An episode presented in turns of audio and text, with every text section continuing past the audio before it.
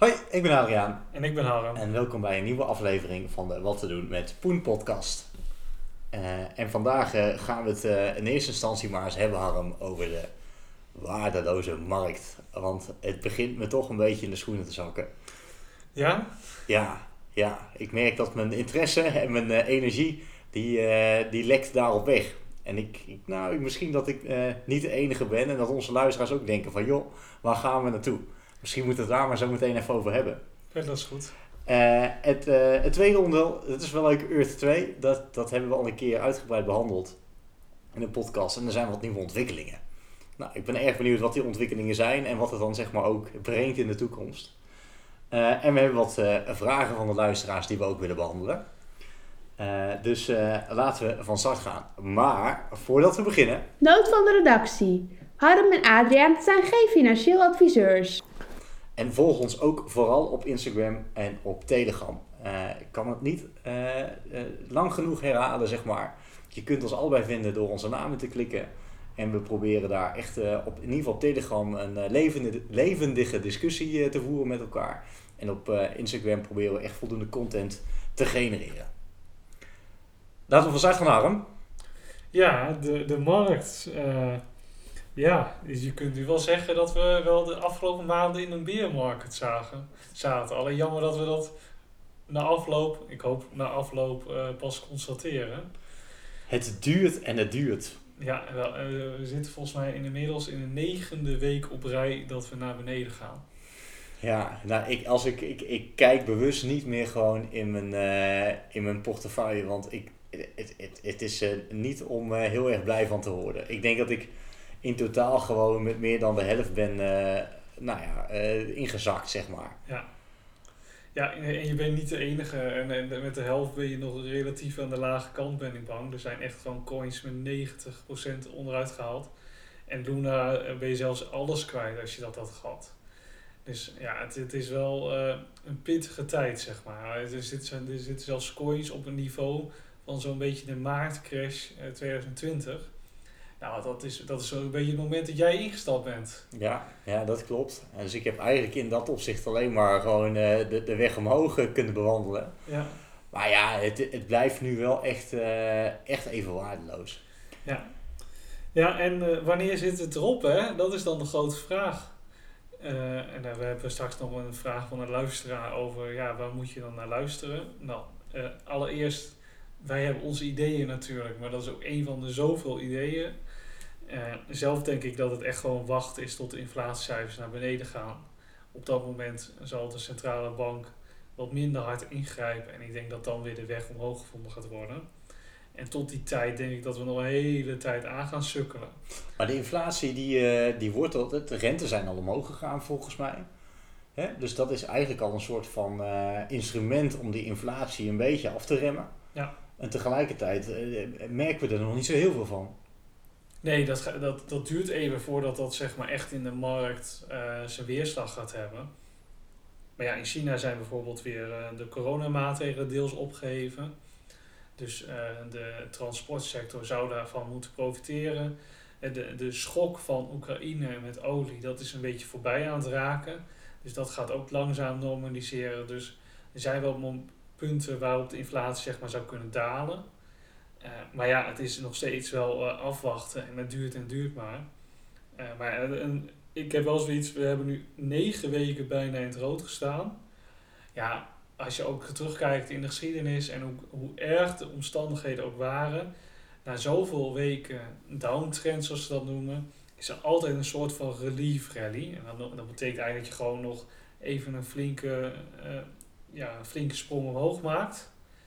Eh, voordat je misschien weer gaat dalen. Maar er zal echt wel nog weer, en dat denk ik echt wel de komende weken, nog wel een flinke stijging in zitten.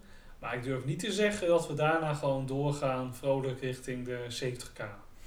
Ja, want in principe, we hebben wel eens een keer uitgelegd dat, een, eh, dat, eh, dat ook dit werkt met verschillende cycli. Dus je hebt een, een bull market en je hebt een bear market. En je kunt zeg maar ook een beetje voorspellen hoe lang dan zo'n bull market duurt en ook hoe lang een bear market duurt. Ja. Is daar wat, als je nou zeg maar nu ook, nou ja, je, je zegt terecht, zitten we wel in een bear market, is ook nog maar de vraag. Maar we ervan uitgaan dat we in zo'n bear market zitten. kunnen we zeg maar ook aan de hand van vorige scenario's een inschatting geven hoe lang zoiets dan gaat duren? Nou, een beermarkt kan zo een jaar duren. Zelfs langer dan een jaar.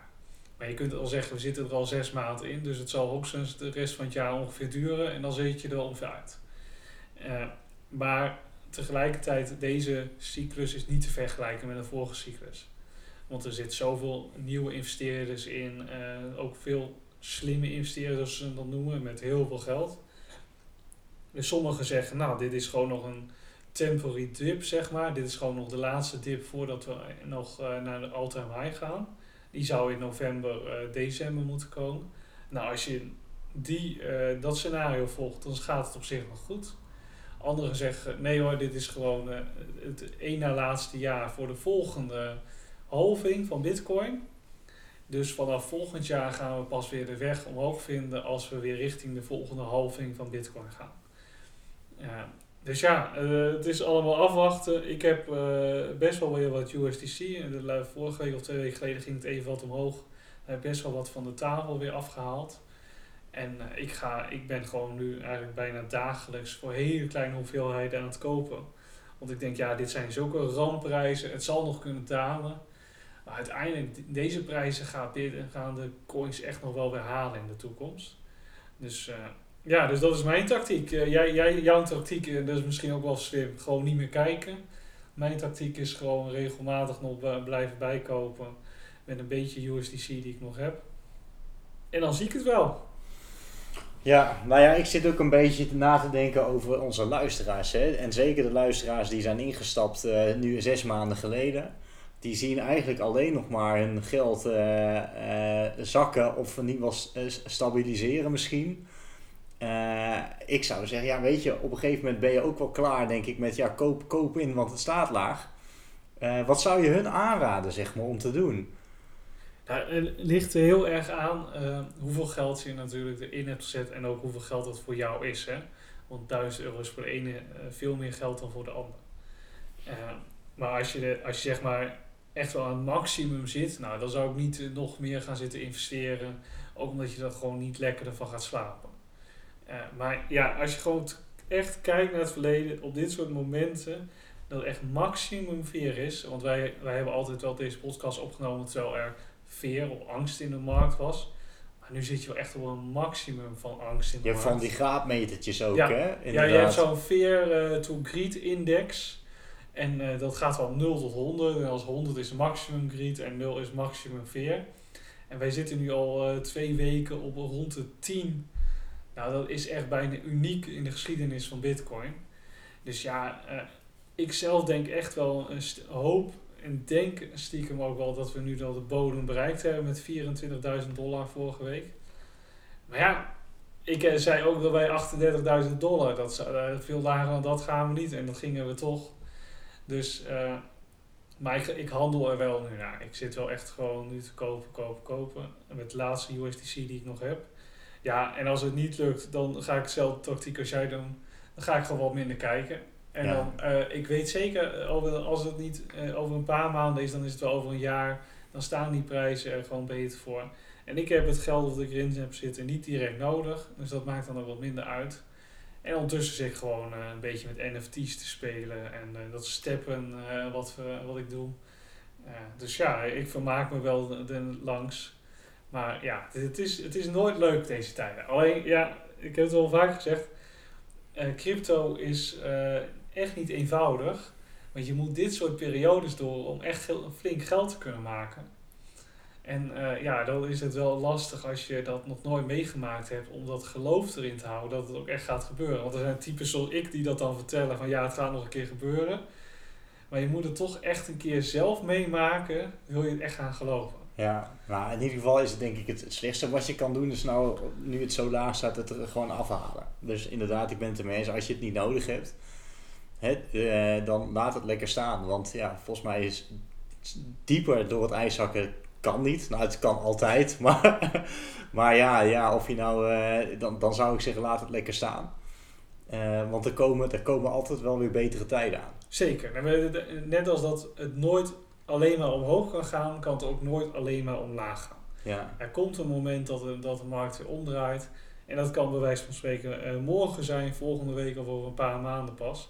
Maar dat moment gaat gewoon komen. Ja, En daar moet je gewoon vertrouwen in houden. En ja, als het dan slecht gaat, eh, kijk het dan inderdaad gewoon minder naar. Maar ga niet, word niet zo emotioneel dat je dan meteen maar gaat verkopen. Want je zult altijd zien, het moment dat jij je verkoopknop indrukt, gaat het omhoog. ja, ja, eens. Ik ben ook heel erg benieuwd hoe de luisteraars hier, eh, hierin, eh, hierin staan. En wat voor hun zeg maar, een goede strategie is om hiermee om te gaan. Wat ik zei, ik ben iemand die dan helemaal... eh, ik, ik kan hier best wel op, op, op, op leeglopen, zeg maar, op dit soort dingen. Ik merk dan altijd van, ja, als het dan niet goed gaat... dan ben je er met minder mee bezig. Daar heb je ook wat minder zin in. Dan ben ik ook niet zo happig om te investeren. Eh, en, ja, maar, en als het goed gaat, ja, dan vind je het allemaal leuk. En dan eh, denk je halleluja en je gaat er weer geld tegenaan gooien. En dat is precies hetgeen wat wij elke keer zeggen dat je niet moet doen. Maar toch werkt het zo. Ja, weet je, de markten zijn ook echt wel emoties. Eh, Ja, Al die markten, je ziet het ook bij aandelen nu. Aandelen zijn ook fors gekelderd. Hè? Het is niet alleen crypto waar het slecht gaat. Aandelen gaat ook slecht. Sommige zelfs met 90% onderuit. Dat is, bij, is echt zelden gezien. Ja, en daar zie je dus ook. Je zag op Reddit allemaal posts van vrouwen. Eh, ik zag toevallig een post van een vrouw. Die had eh, geld belegd van een gezamenlijke rekening, zeg maar. En de man die was wel heel erg op geld gesteld, maar die, die keek niet op de gezamenlijke rekening. Ik had geen idee waarom niet, maar oké. Maar zij had al het geld in de aandelen gestopt en was het met 90% gezakt. En toen vroeg ze dus aan Reddit-gebruikers van ja, hoe vertel ik dit aan, m- aan mijn husband? Dus eh, ja, nee, dat soort verhalen krijg je die ook vanuit aandelen. Nou, we hebben, zullen we het ook nog heel even over Luna hebben? Mhm. Ik weet Ja. niet in hoeverre je dat meegekregen hebt. Eh, nou ja, Luna is, eh, is, is, nou ja, dat is wel niet zo onderuit gegaan. Ja, dat is ongelooflijk. Die stonden op 120 dollar op een gegeven moment. En die zijn gewoon tot ver onder de bijna 0 dollar gezakt. Ja, het is, het is echt 0,00001 of zo nu. En Maar dat heeft toch te maken in het, met die, eh, met die eh, stablecoin waar ze aan gelinkt zijn. Ja, ja. Vertel Dus even, hoe zit dat dan in nou het, in precies? het kort, eh, het was zo dat als jij UST, want dat was de stablecoin, nodig had, dan moest je Luna kopen, dat verbrandde je dan en dan kreeg je USD voor terug. Ja, en ze hadden een soort mechanisme erachter waardoor ze konden zorgen dat één UST ook één UST qua dollars bleef. Precies. Alleen op En dat maakt die moment, coin dan ook stable. Ja, dat maakt dan een stablecoin. En dat, dat had dus te maken met Luna. Als coin, wat via Luna konden ze dat een beetje in, op de een houden. Alleen op een gegeven moment ging dat een beetje wankelen en was 1 USD eigenlijk nog maar 98 cent. En eh, dat ging lager, lager, lager. Nou, toen heeft Luna al hun bitcoin op een gegeven moment verkocht. Of een heel groot gedeelte van hun bitcoin. Om maar te zorgen dat die pack, dus een 1 dollar, 1 USD bleef. Maar dat lukte niet. Nou ja, en toen ging Luna volledig onderuit. En ook USD. En bij Luna is het zo dat als USD dan weer verkocht wordt, dus uit de markt wordt gehaald, dan wordt een nieuwe Luna gecreëerd. Maar dat, dat werd dus zo scheef dat er zoveel, echt letterlijk eh, miljarden Luna's zijn bijgedrukt. Om het te kunnen corrigeren. Om het te kunnen corrigeren. Waardoor Luna's prijs echt totaal, totaal verpulveren. Ja, dat is ook als je geld bijdrukt, dan wordt het Ja. geld ook minder waard. Ja, maar dit was, eh, dit was nog wel een veel fout daarvan. En, en ik heb zoiets echt nog nooit meegemaakt. En aan de andere kant denk ik van, er ging dus echt letterlijk is iets van 80 miljard of zo verdampt in de cryptomarkt. En bitcoin zakte maar een paar duizend dollar. Dus dat geeft ook wel aan in wat voor markt we tegenwoordig zitten. Want ik kom nog uit de tijd zeg maar dat 5000 dollar, en dat gingen we bijna naar de 10.000 dollar weer.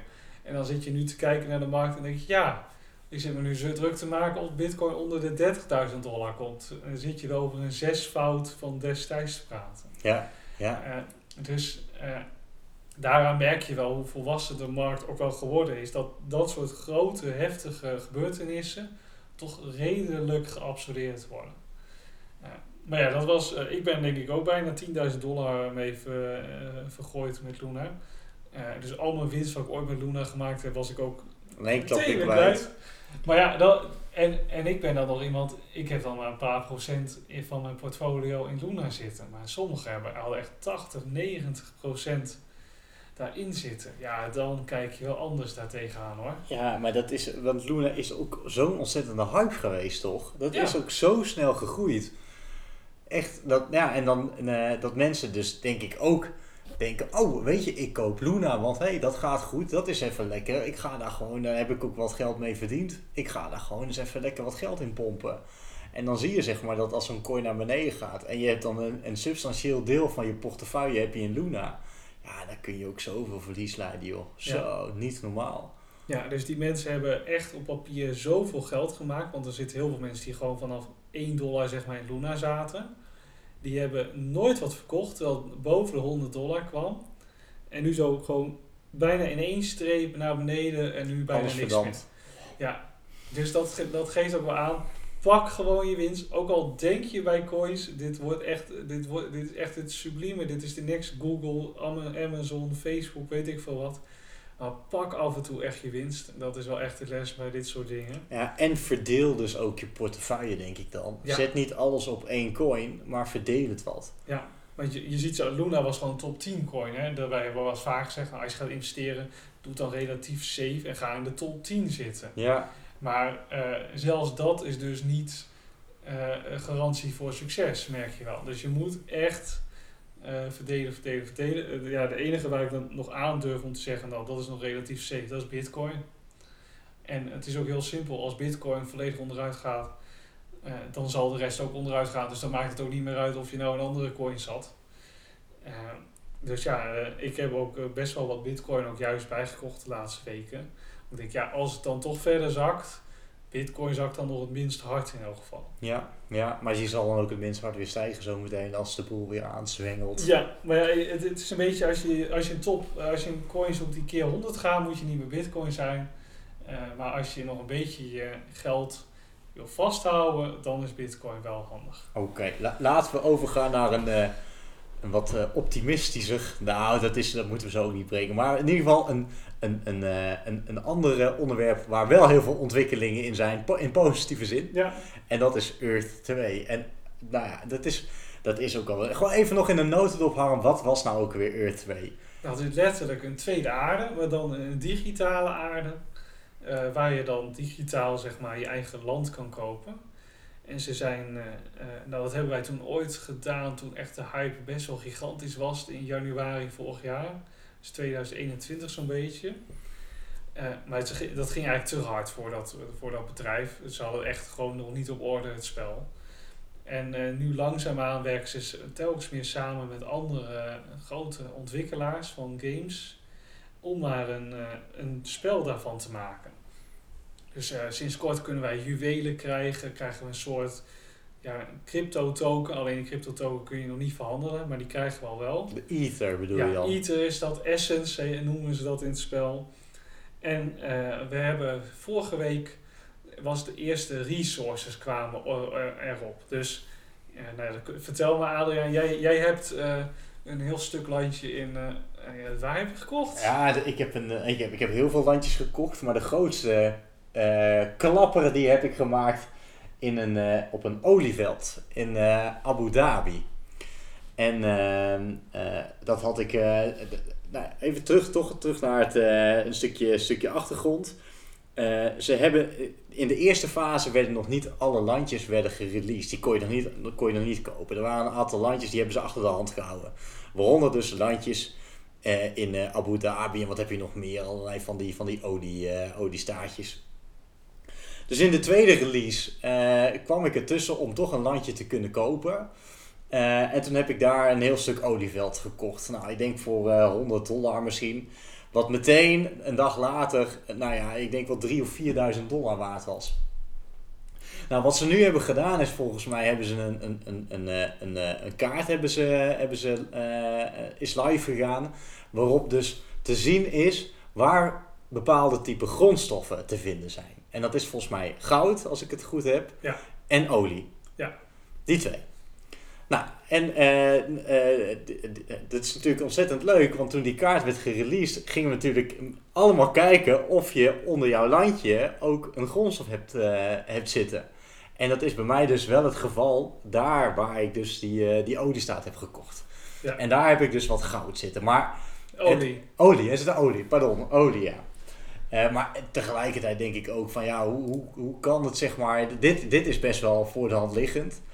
Eh, maar ja, daar zit ook bijvoorbeeld olie en goud volgens mij in Nederland of ergens in Amsterdam. Ja, Waarvan ik denk, hoe, hoezo zit daar ergens goud of olie onder? ja Dus waar- heel, Amsterdam, heel Amsterdam heet olie. Ja, ik snap, Oh ja. snap er ook niks van. Waarop ze dat hebben gebaseerd, dat weet ik dan niet. Nee. Maar het is, eh, ik, ik heb wel inderdaad een landje waar iets van grondstof onder zit. Maar jij volgens mij ook toch? Ja, eh, volgens mij een paar. Nou ja, dit, spel is echt nog in ontwikkeling. Hè, dus dan denk je, nou, ik heb iets van honderd verschillende landjes ergens. Dus ik denk, nou, het zal vast wel ergens staan onder welke landjes ik dan die grondstof heb. Maar nee hoor, ik moest alles langs. Nou, ik heb dus niet alles langs, ik ben niet aan alles langs gegaan. hoor. Gewoon die paar waarvan ik dacht, dat zou eventueel kunnen. Eh, en ik heb voor mij op één of twee heb ik goud en olie zitten. Eh, Waar, waarmee ik nog geluk heb hoor. Want dus, ik zag mensen op Facebook en zo die echt honderden eh, properties hadden en gewoon nul. dus, eh, dus ja, maar ze zeiden ook, dit is gewoon de eerste fase dat ze dit uitrollen. En eh, wat je er straks mee kan, geen idee hoeveel Nou, wat, dat is, is. wat is de vervolgvraag? Wat kunnen we hier nou mee? Hè? Wat zijn, wat, je had daar wel een idee bij, Harm. hè? Ja, nou, wat ze hebben laten zien, ze hebben een soort filmpje laten zien van eh, gebouwen die je, waarmee je dan die olie uit de grond kunt halen. Die kan je dan plaatsen, moet je natuurlijk voor betalen en dan krijg je die olie. En die olie is straks nodig om te kunnen, spullen te kunnen vervoeren of om dingen te kunnen bouwen. Dus die olie heb je wel straks nodig in het spel. Nou, hoe groter het spel wordt, hoe meer dus de olie ook waard zal zijn, et cetera. En dan is het zo dat als jij een landje bezit waar echt olie onder zit, dan krijg je, heb jij dus meer olie dan precies het landje daarnaast. Want dan krijg je nog steeds wel een beetje olie, maar niet zoveel als het landje wat echt olie bezit. Nou, zo hebben ze het eh, in elk geval uitgelegd hoe het zou gaan werken. Nou, hetzelfde geldt voor goud, maar hetzelfde geldt straks voor eh, water, voor hout, voor ijzer, voor diamanten, nou, et cetera. Ze hebben allerlei verschillende grondstoffen. En ze halen uit van allerlei datasets van, eh, nou, ik weet niet eens van grote bedrijven of van, nou ja, van Google of wat dan ook. Halen ze al die data op waar al die resources zitten. Oké. Dus straks heeft elk landje bijna wel een soort resource. Maar olie en goud en waarschijnlijk diamanten zullen relatief het meest zeldzaam zijn. Ja. En nou ja, dit is echt voor ons een wat lange termijn project. Ik denk niet dat we over een paar maanden ineens daar dik mee, veel geld mee verdienen. Maar het concept is in elk geval heel interessant. En ze rollen het langzaam uit naar echt een wel mega groot spel. En er waren zelfs al, dat, zelfs de, de ontwikkelaar die sprak al over PFP. Of eh, PvP of zo, player versus player. Dus dat je dan een soort legertje kan opbouwen en verdedigingswerken bovenop je land. En dan hebben ze een soort verschillende layers. Dus je hebt gewoon zeg maar de echte wereld waar je op kan bouwen. Een soort wereld waar je dan die grondstoffen op kan doen. Maar ook een wereld waar je dan zeg maar oorlog kan voeren met elkaar. En dat allemaal op elkaar gestapeld. Ik vind het hartstikke interessant en leuk. Ik denk ook, als er er maar genoeg geld in blijven pompen, dat het wel wat gaat worden. Maar dit is wel echt lange adem. Ja. Dit is echt, dit is gewoon een gok van ons. En wij hebben met een paar honderd dollar vorig jaar wat gekocht. En ik volg het nu nog steeds. En ik denk dat ik het geld er wel uit ga halen. Ik weet wel zeker dat het gaat gebeuren.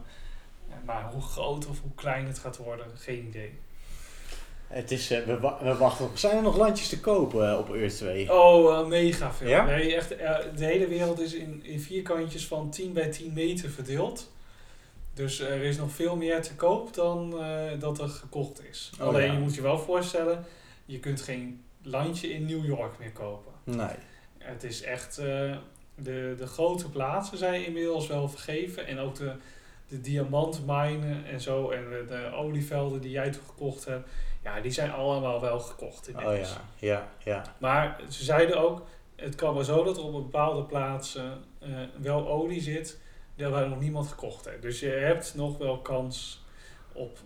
eh, maar ja, het is, eh, het is gewoon afwachten. Nou, dus als je in het weekend niks te doen hebt, beste luisteraars, dan ga je, ga je op Earth 2 ga je de, de kaarten bij pakken.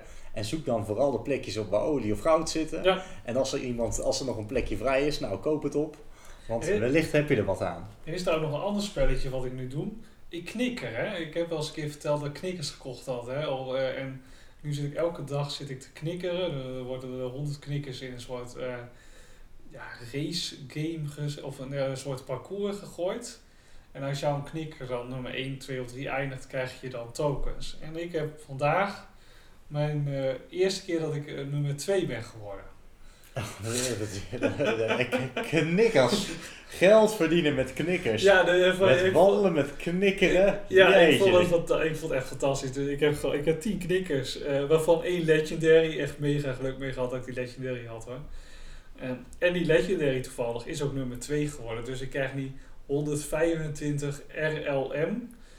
Nou, geen idee wat de waarde is, maar ik zie wel. Hoe heet die app dan? Ehm, Of het spelletje? Marble Verse. En dan eh, voor 130 CRO of zo kun je nu één knikker kopen. Dat is, eh, wat is het, eh 80 dollar of zo. En ik heb 10 van die knikkers. Dus eh, nou ja, ik, ik ben nu dus elke dag maar aan het knikkeren.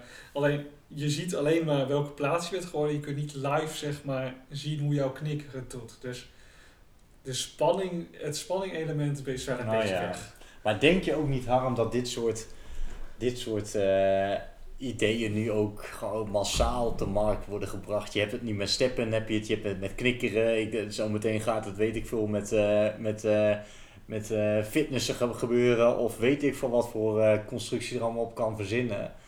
Zo- Ja, is, het, is, is, dit, is dit de toekomst of zal dit een soort van melkkoe worden die nu massaal wordt uitgemolken? Is het de toekomst? Voor een deel wel. Kijk, eh, eh, van de 100 projecten die er nu zijn op dit gebied, zullen er 99 falen. Dat gaat gebeuren. Eh, of dit knikkeren het heel groot gaat worden, geen idee. Maar bij steppen bijvoorbeeld, die zie je wel echt dat die echt wel succesvol zijn. In elk geval nu. Het is natuurlijk afwachten hoe lang ze het vol gaan houden. Maar dat move to earn, ja, ik denk dat je daar best wel een businessmodel van kan maken. Toevallig hoorde ik zat ik van het weekend een Spaces te luisteren met dat bedrijf erachter. En zij waren echt al met eh, zorgverzekeraars aan het praten. Van als zeg maar, hun klanten steppen zouden doen, dan zouden de zorgverzekeraars zeg maar, betalen voor alle kilometers dat, dat hun klanten gaan lopen. Of dat dan krijgen ze extra korting op een zorgverzekering. Omdat ze da- daarmee garanderen dat hun klanten dus gezond bezig zijn. Dus eh, er zijn in die zin wel, zeg maar, wat eh, ja, wel leuke dingen mogelijk. En waar zo mee naar het kijken waar is dat als je aan het lopen bent, je een soort pop-up krijgt van, eh, je, van een lokaal restaurantje of barretje waar je dan korting krijgt als je laat zien dat je zoveel kilometer gelopen hebt met jouw schoenen. Dus dan maak je een soort eigen wereld die je verbindt, of een digitale wereld die je verbindt met de echte wereld. Ik zie je moeilijk kijken, Adriaan. Nou, ik, ik zit, eh, waarom hebben we, daar, hebben we daar bijvoorbeeld steppen voor nodig? Ik bedoel, we hebben natuurlijk ook allemaal een stappenteller op onze telefoon. Ja, dan krijg jij. eh, Nee, niet. Nee, daar krijg, je, daar krijg je niks voor. Maar die houdt wel bij hoeveel stappen je hebt gezet, zeg maar, op een dag. maar heel simpel, hè? Ik liep, echt heel, ik liep echt heel weinig, kan ik wel zeggen. In coronatijd was iedereen. Nee, was ja, dat is helemaal mee was eens. in het nieuws dat iedereen heel veel liep. En ik dacht, nou, ik niet in elk geval. Eh, ik was alleen met crypto bezig ongeveer. En nu loop ik bijna elke dag een dik uur. Waarom? Omdat het me geld kost als ik niet ga lopen. Dus het heeft mij in elk geval wel geholpen. En natuurlijk, ik, ik verdien achterlijk veel geld met gewoon stom lopen. Dat is niet op de lange termijn houdbaar. Maar ik dacht wel, als ik, al zal ik nog 10 dollar krijgen als ik een uur ga lopen. Ik denk dat ik het dan nog wel sneller zou gaan doen. Dan eh, als je dan alleen maar een gezondheidsapp die je dan vertelt. Nou ja, beste Harm, je hebt weer 9000 stappen of 10.000 stappen gelopen. Ja, maar niet als dan dat gekoppeld is aan bijvoorbeeld je zorgpremie, bijvoorbeeld. Als, als, als het zo is, inderdaad, wat je zegt, hè, dat je met, als je veel loopt, dat je dan korting krijgt op je zorgpremie, dan denk ik dat mensen inderdaad eh, eerder geneigd zijn om te gaan lopen. En zeker, ik denk ook bij uitstek de doelgroep die daar, die daar baat bij heeft, zeg maar. Ja. Hè? Die dus die financiële prikkel nodig heeft om gewoon gezond te leven. Maar heb je daar dan per se een steppen voor nodig, is dan vervolgens mijn vraag. Oh, zo bedoel je. Kijk, of Steppen het dan gaat redden, of dat, er iemand, dat, of dat een soortgelijke app die het dan net wat beter of anders eh, aanpakt het gaat redden. Dat zou zomaar kunnen. Maar in het concept erachter, daar geloof ik wel in. Ja, En dat, dat, is natuurlijk wat er nu gebeurt. Hè. Je had ook in 2000 had je heel veel websites en dat waren dan ook heel veel top 10 websites die wij al helemaal niet zo kennen. Dus er gaan gewoon heel veel dingen gaan verloren. En dat, maar het concept ligt er. Ik denk ook dat het concept werkt. En dan is het maar net welke dan het beste is. En welke het het beste tot uitvoer kan brengen. En wie weet dat we over vijf jaar een totaal andere app doen. Maar ik denk dat de basis nu wel gelegd is. Eh, in elk geval voor Web 3, zoals ze dat dan noemen. Ja. Eh, eh, waarbij wel aangetoond wordt dat het ook echt wel nut heeft. En wat dan ook vanuit crypto gezien fijn is om te merken. op Steppen zijn nu echt miljoenen mensen die het inmiddels gebruiken. Waarvan 30% hiervoor nooit wat met crypto deed. Dus er zijn heel veel mensen die zeg maar Steppen zijn gaan gebruiken. Terwijl ze eigenlijk niks met crypto hadden.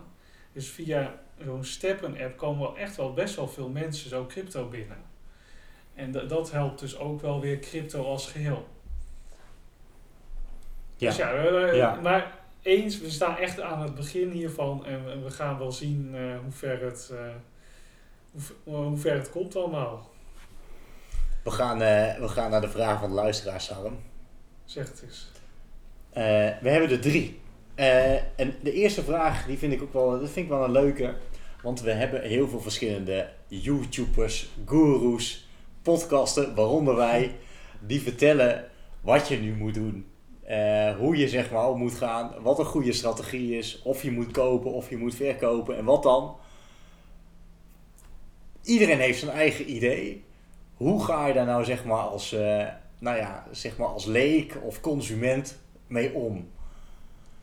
Ja, ik, heb daar niet een, eh, een, een antwoord op waarvan je denkt, nou, eh, dat is echt de perfecte manier.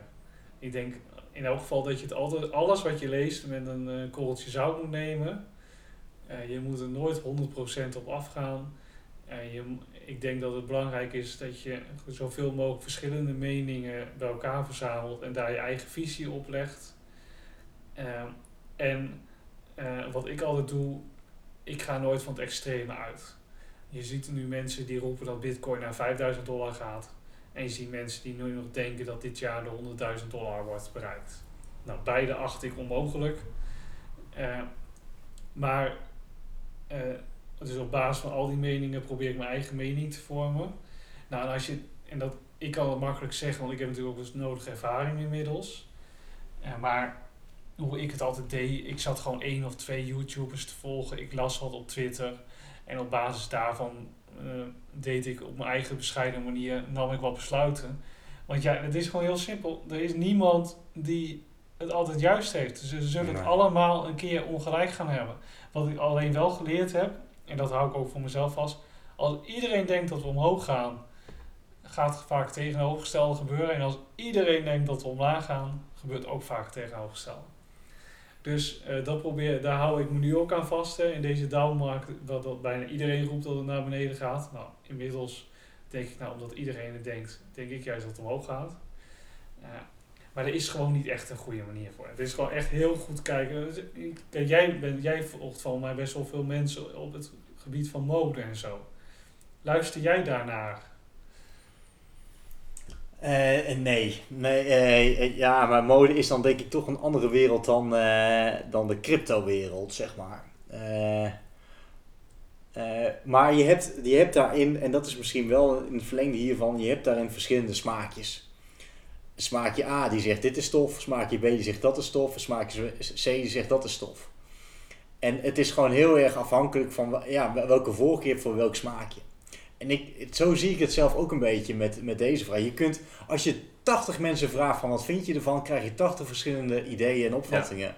En ik denk dat het voor jezelf gewoon makkelijker is door nou, jezelf te committeren aan één of twee kanalen of een één of twee podcast. En vervolgens daarop, op basis daarvan zeg maar je eigen idee eh, te baseren. En je hoeft het niet overal mee eens te zijn. En je moet het ook niet overal mee eens te zijn. Eh, maar als je dat niet doet, dan ga je alle kanten op. Nee, eh, precies. Nee, je, moet het wel. Je, moet- ik vind wel dat je alle meningen tot je moet, moet nemen, maar wel tot een bepaalde hoogte. Precies. Het is echt niet zo dat je 40 influencers moet gaan zitten volgen, want dan word je knettergek en daar word je echt niet wijzer van. Nee, Ehm, eh, twee, drie, en het liefst ook twee, drie, die een beetje, die niet zo op elkaar lijken. Dat is denk ik misschien de ideale combinatie. Voor hoever het ideaal is, hè. Eh, kijk, wij, maar ik volg nog steeds CryptoBente, best wel actief. Maar eh Data Dash bijvoorbeeld is ook een bekende. En die volg ik ook nog steeds heel hartstikke veel. En zeker als het de markt wat slechter gaat, neig ik ernaar om wel meer naar een soort kanaal te gaan die het vaak iets rustiger uitlegt, niet zo schreeuwerig is. Eh, op die manier, eh, die gewoon de feiten erbij pakt en een beetje de noise probeert weg te halen. Ja, En het is altijd als laatste tip, maar we hebben het er wel eens vaak over gehad, hè, influencers. Eh, bedenk ook met wat voor agenda mensen wat zeggen. ja. Eh, eh, wij hebben wel vaak gezegd, nou, we verdienen nul met deze podcast. Dus we hebben echt nul belang bij om eh, bepaalde coins te gaan roepen of wat dan ook. Wij- hebben daar echt nul invloed op. Al gaan wij hier een of andere kleine kutcoin adviseren van eh eh, kopen Shiba Inu eh, de, de, de 84ste. Nou, dan gaan wij echt de, de koers niet mee in de beweging krijgen, zeg maar. Maar ja, andere grote kanalen kunnen dat wel. Ja, Dus daar moet je wel echt wel, dat moet je wel echt beseffen. ja, mooi, mooi antwoord. Volgende vraag. Hebben we het net over gehad, Luna. Nou, dat is natuurlijk nu bottom line, zeg maar. Maar komt hij nog een keer terug naar het oude niveau? Heb je daar goede verwachtingen bij? Nee, dat gaat niet gebeuren. Nee, eh, de, de, de, Luna, de oude Luna coin gaat nooit meer naar het oude niveau. Dat kan echt niet meer. De, de mensen zijn totaal, eh, zijn, ja, Het vertrouwen is kwijt? het vertrouwen is verloren. eh, de eigenaar ervan is zo beschadigd. Die gaat dat niet meer. eh, Is Luna, dat niet meer doen. dan een andere vraag. Is Luna nog een interessant project om nu te kopen, omdat het zo laag staat? Nou, we hebben het nog niet over ons portfolio gehad. Waar we ook al een paar keer wat van gekocht hebben. En ik heb één keer op Instagram gevraagd: moet ik Luna kopen? Ja, En toen was het antwoord ja. omdat, hè, ik zou zeggen, het staat nu zo laag. Lager dan dit kan het bijna niet. Waarom niet? Waarom zou je Nou, niet en, kopen? En toen ik het vroeg, was ik nog, eh, toen heb ik daarna nog ingelezen. En toen zo- wist, snapte ik ook waarom de prijs zo echt zo fors daalde. Het was gewoon omdat Luna echt miljarden tokens zat bij te drukken. Continu. Ja. En dat bleven ze ook doen, bleven ze ook doen. Ik denk, ja, dan kan ik nu wel gaan bijkopen. Maar dan weet ik eigenlijk 100% zeker dat het die 50 euro weer verdampt. Dus ik heb dat uiteindelijk niet gedaan. Sorry luisteraars. Eh, dus... eh, ja, en ik zie niet gebeuren dat USD... USD zou ooit nog eens een keer naar 1 dollar terug kunnen. Dat zou echt nog een keer kunnen. Eh, ze zouden nog, Luna zou nog een keertje een beetje kunnen terugbouncen. Maar naar de 120 dollar... Nee, dat gaat echt niet gebeuren. Wat wel zou kunnen is dan een vergelijkbaar project als Luna. Maar waarschijnlijk wel een andere naam. Maar die in principe eh, of hetzelfde voor staat. Alleen net op een andere manier doet. Waardoor niet dat kan gebeuren met UST en Luna wat vorige keer gebeurde. Ja, dat zou wel kunnen. Maar met de huidige Luna echt niet. Maar dan toch terugkomend op mijn vraag, zou je advies zijn, advies zijn als ik jou vraag, zal ik, zal, ik- zal ik 100 euro in Luna zetten? Zou je zeggen, nee, ik zou dat niet doen. Nou, als 100 euro eh, het geld is wat je anders aan een casino zou steken, wel. Maar zie het ook echt als dat geld. Je gaat, dat, is echt, dat is echt gokken. En van de week ging die ook gewoon met 300, 400 procent omhoog, hè, Luna. Maar dan ging die van 0,0006 naar 0,08. Dan weet ik veel wat, wat de prijzen waren. Ja, Ja, van Dat- extreem laag naar laag. Maar ja, dan, Ja. dan toch, als je dan, ja, het, het kan interessant zijn als je denkt van, oh, ik ga, ik ga toch eens kijken of ik daar met een, wat geld, nou ja, een flinke winst op kan pakken. Maar ik, ik hoor een beetje in, jou, in jouw antwoord dat het, dat het vertrouwen en het model achter Luna, ja, dat is eigenlijk wel een beetje, Ja, dat een is beetje een verloren glorie. Nee, en dat, is eh, dat werkt niet meer. eh, Luna is tot een meme coin geworden. Helder. Punt. Laatste vraag. Eh, steppen. Eh, nou, sparen jullie, maar ik, ik zit niet in steppen. Dus spaar jij, Harm, eh, ehm, je steppen GST. Want dat is volgens mij de, de coin die je krijgt hè, als je Ja. steppen gebruikt. Spaar je die nou op? Of zet je daar ook weer een deel eh, in Sol, zeg maar. Nou ja, zodat je het ook weer gewoon kan gebruiken of weet ik veel wat. Spaar je het echt op of investeer je dat weer? Nou, mijn tactiek is best wel simpel. Ik heb meer dan 9 schoenen. Dat en ik waarvan 4 uncommons. Dat betekent dat ik 13 energie heb per dag.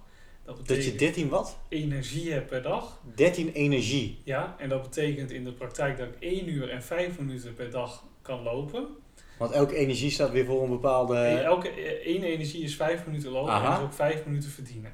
Ik heb dus 13 keer energie, dat is dus eh 65 minuten in mijn geval verdienen per dag. Ja, Daarmee pak ik ongeveer 200 GST en ik probeer elke dag één nieuwe schoen te minten. Want je één nieuwe schoen minten kost 160 GST en 40 GMT gemiddeld. Dus ik, ik mint elke dag één nieuwe schoen. De helft, eh, dan verkoop ik weer een andere schoen als ik een nieuwe schoen mint. En de helft van de opbrengst van die schoen, daar koop ik weer GST voor terug om een nieuwe schoen te minten. En de andere helft stuur ik weer terug naar eh, mijn crypto-account. En eh, eh, zo, zo verdien ik nu mijn geld. Oftewel, mijn GST gebruik ik echt voor het minten en ik hou het niet. Dat, ik denk dat we die nog een keer moeten terugspoelen.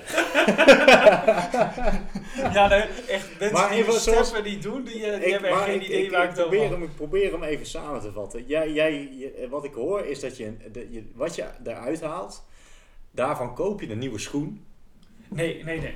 Eh, elke dag loop ik. Ja, En dan krijg ik GST. En doordat ik GST krijg, kan ik met twee schoenen die ik heb een nieuwe schoen minten. Ja, Dus, die, dus ik maak van twee schoenen, maak ik dan, er wordt er één bij, dus dan heb ik drie schoenen. En dan verkoop ik weer één van die drie schoenen aan een ander. En daar krijg ik sol voor terug. En de helft van die sol, daar koop ik weer GST voor terug. En de andere helft van die sol stuur ik weer naar mijn eigen account op. aha, Dus zo probeer, maak ik ongeveer 300, 400 euro nu per dag. Aha. Dus, en dan terugkomend op die vraag, nou eh, spaar je dan die GST op? Nou, in dit geval niet, want dat zet je dus in, zeg maar, voor, eh, eh, nou ja, voor, om eh, iets anders te minten. Ja. Nee, ja, hè? Ja. En het, het andere deel dat gaat terug naar je account. eh, en dat is dan, ga je dan automatisch sol kopen daarvoor of niet? Ja, je, je verkoopt de schoenen voor sol. Ik Precies. krijg sol terug, die, die sol stuur ik dan naar crypto. En daar zet je dan, weet ik veel wat, of je daar het op sol of je, je ja, doet er wat verkoop ik mee. het daar weer. Nee. En dan, eh, ik koop dus ook de hele tijd wel weer wat GST terug, ondanks dat ik best wel veel per dag verdien. Omdat ik ook een paar uncommon shoes heb en dan heb ik heel veel meer GST nodig om een nieuwe schoen te minten. Hey, en wat is de prijs van zo'n GST? Waar staat die nou op? Op eh ja, 2,80 dollar gemiddeld. Oké. En laatste, laatste week best wel stabiel rond de 3 dollar. En waar stond hij op? Toen je Hij heeft op zijn hoogtepunt op 8 dollar gestaan. Nou ja. Eh, maar dat was uh, gewoon onhoudbaar. Dus eh, nu is het nu 3 dollar en dat is op zich prima. Ik verdien nu ongeveer 200 GST per dag. Dus ja, rekenen, dat is best wel veel geld wat je nog steeds per dag doet. Helder, we zijn door de vraag heen, Harm. Ja, en ik wil toch even als afsluiting nog heel even hebben over onze plannen met de podcast. Want eh, ik, had het je, ik heb het je nog helemaal niet verteld, maar eh, wij, wij gaan een website maken. Nou, dat weet je wel in elk geval. Eh waarschijnlijk, ik ga ook de domeinnaam nog niet noemen, want ik weet nog niet eens of die Nou, dan geregistreerd is. Dan wordt hij geclaimd. Ja, maar eh, er komt een eh, website aan, dus daar zijn we, gaan we druk mee bezig. Ehm, eh, dus ja, dat, daar binnenkort meer nieuws over. En dan moet ik jou een eh, goede vakantie wensen, Adriaan. Ja, ja, dat is het. Dat, ik, ik ga, dankjewel Harm. Ik ga lekker, ik moet morgen nog een dag werken. En dan ga ik even de zon opzoeken. In Ibiza. Ik ga naar Ibiza. Heerlijk, ik ben er nooit geweest. Maar eh, nou ja, ik, ik heb er heel veel zin in. Ik zie het daar, hè. Ja, ik, ik fleur me meteen op, hè. ik fleur meteen weer op. Nee, ik heb er echt... eh, het, is, het is al zo lang geleden dat ik op vakantie ben geweest. Ja, de laatste keer is voor mijn haartransplantatie. Hè. Nu was niet echt een vakantie. dat is ook alweer bijna een jaar geleden. En hoe lang geleden dat je met een vriendin ging? Ja, dat is nog voor de coronatijd. Want in de corona ging het uit. Ja. Nee, dit, is, dit, dit noemen ze dan ook de vuurdoop, toch? Als je Ja. voor de eerste keer met je nieuwe vriendin op vakantie gaat, als je daar goed doorheen komt, nou, dan heb je weer een, eh, een, horde, een horde- horde doorlopen, zeg maar. Nou, dan gaan we in de volgende podcast Ah, dat is horen goed. of jij deze Dat- dat goed. eh, goed doorlopen bent. Ja, laten we dat maar doen. Om te zien zit ik dan in zak en as, dat kan Ja. natuurlijk ook. Ja, dan kun je hier weer de oproep voor het date eh, plaatsen. Hij is mooi. We zien elkaar de volgende keer. Hey, tot de volgende keer.